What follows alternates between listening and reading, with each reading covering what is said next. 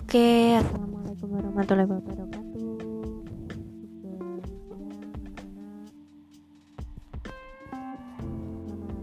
Jumpa lagi di kelas bahasa Jawa. Bagaimana kabar kalian hari ini? Apakah sehat? Baik semuanya ya. Selamat untuk anak-anakku sudah naik ke kelas 8 yang awalnya dulu kelas 7 semoga di semester yang baru ini adalah awal kalian menjadi hmm, para penerus bangsa yang baik ya. Walaupun ini pembelajarannya melewati daring atau online Ustazah kira kalian tetap bisa semangat Oke anak-anakku hari ini Ustazah akan sedikit memberikan materi lewat podcast ini. Dan kalian tugasnya cuman mereview. Mereview apa yang ustazah sampaikan. Jadi mereview itu nanti kalian meringkas apa yang kalian pahami tentang apa yang ustazah sampaikan hari ini. Oke, sebelum ustazah mulai, ustazah di sini akan menyampaikan bahwa ustazah nanti akan menjelaskan dalam bahasa Jawa dan untuk lebih rinci lagi ustazah akan menjelaskan menggunakan bahasa Indonesia mengingat kalian banyak yang uh, kurang bisa bahasa Jawa Ustazah memaklumi itu dan Ustazah akan menyampaikan menggunakan bahasa Jawa dan bahasa Indonesia. Oke. Okay. Salangkungipun nomor setunggal Ustazah sampun akan e-book dateng Google Classroom. Nah, monggo e-book niku dibika. Nggih dibika hmm, halaman 6 dibika halaman 6 niki wonten babakan cerkak saderengipun anak-anak sampun ngertos nopo dereng babakan nopo niku cerkak nah cerkak iku cerita cekak nah cerita cekak iku padha karo cerpen ning goni bahasa Indonesia. Nah, dadi ringkese cerkak sing dicekak cerkak iku cerita kang ngandharake lelakon utawa kedadean kanthi ringkes saka wiwitan nganti pungkasan.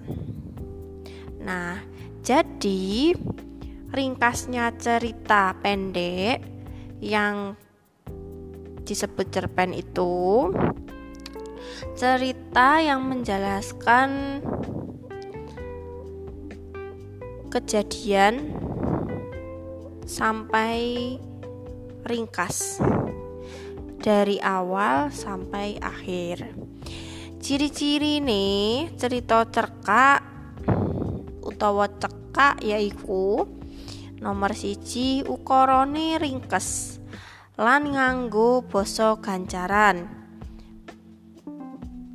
Kata-katanya ringkas dan menggunakan bahasa bebas loro tembung-tembungnya gampang dimengerteni kata-katanya gampang dimengerti. Telu isine nyang semake utawa trenyuhake nyeritakake sacuwil prastawa ing panguripane paraga utama. Isinya itu menyenangkan atau menyentuh, menceritakan sedikit peristiwa di kehidupan tokoh utama. Ceritanya eh, itu jadi menyentuh hati, membuat para pembaca itu bisa merasakan apa yang pengarang rasakan. Papat ceritane ringkes baik, ora dowo-dowo. Jadi ceritanya itu ringkas dan tidak panjang-panjang. Limo anggone maca mung butuhake wektu sedelo. Jadi untuk membaca cerkak itu hanya membutuhkan waktu sebentar. Saben-saben pangripta nalika nulis sawijine karangan cerita cerkak mesti duweni tujuan tartamtu kang awujud pesen amanat lan pitutur marang sapa wae sing maca. Pesen amanat lan pitutur iku kalairake lumantar isi ceritane pecalaton antarane paraga siji lan paraga sijine sarta watak-watake saben paraga. Nah, unsur intrinsik cerkak. Unsur intrinsik cerkak, intrinsik cerkak itu ada berapa? Ada yang tahu? Nah, unsur intrinsik cerkak itu ada enam. Yang pertama itu tema, yang kedua itu alur, yang ketiga itu latar atau setting, yang keempat parogo utawa pamaragan utawa penokohan, yang kelima itu sudut pandang, dan yang keenam itu amanat atau pesen. Lajeng unsur ekstrinsik cerka. Unsur ekstrinsik cerka yaiku gambaran ngenani zaman adat istiadat budaya perilaku lan sikap masyarakat sing bisa ditintingi saka cerka. Unsur ekstrinsik cerka Dea kudu bisa menawa ditintingi saka jeneng Dea nuduhake yen jeneng kuwi wis kalebu jaman saiki. Budaya sing bisa ditintingi saka cerkak yaiku budaya Jawa awit unggah-ungguh basane sing mung ana ing budaya Jawa. Dadi unsur ekstrinsik cerkak iku padha karo gambaran zaman. Jadi unsur ekstrinsik itu di luar unsur intrinsik. In itu di dalam. Kalau X itu itu di luar. Jadi dia yang mengamati atau yang menceritakan tentang gambaran bagaimana zaman, istiadat, budaya dan perilaku sikap masyarakat yang ada di dalam cerita. Nah, sedangkan unsur intrinsik iku termasuk apa wae sing enek ning jero carita. Ya, contohnya tema. Tema kuwi gagasan utawa ide sing dadi underane cerita. Bisa ditilik langsung saka ukara ing teks utawa dijupuk saka inti ceritane. Jadi tema itu gagasan gagasan atau ide. Ya. Ide utama cerita. Gitu. Terus alur atau plot. Kuwi rarangkan rarangkene kedadean ing sawijining cerkak alur rumahe dumadi kanthi tahapan. Pengenalan kui eks, disebut eksposisi. Nomor loro penantangan utawa konflik.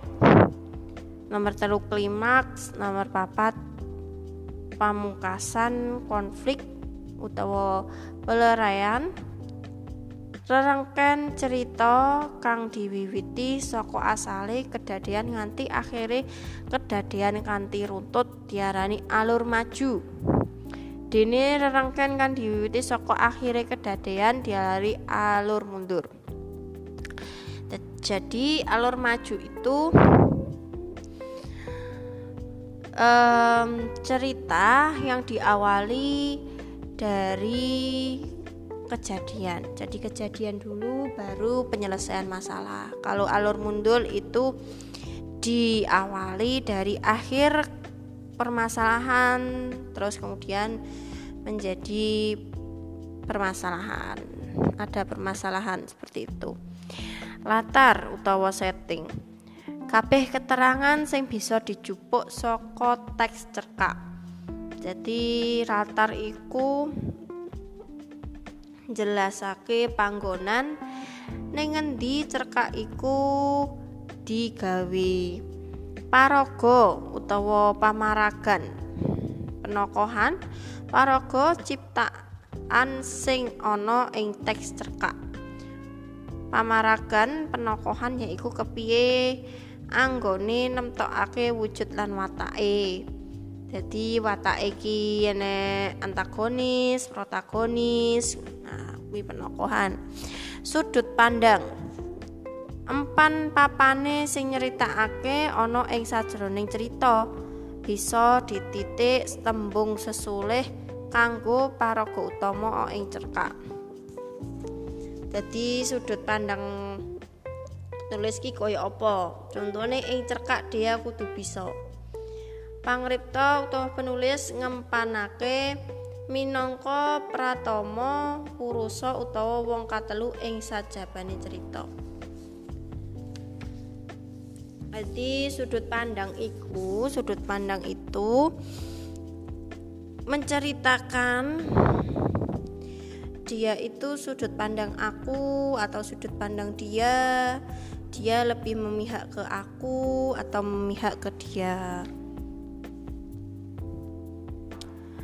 amanat utawa pesen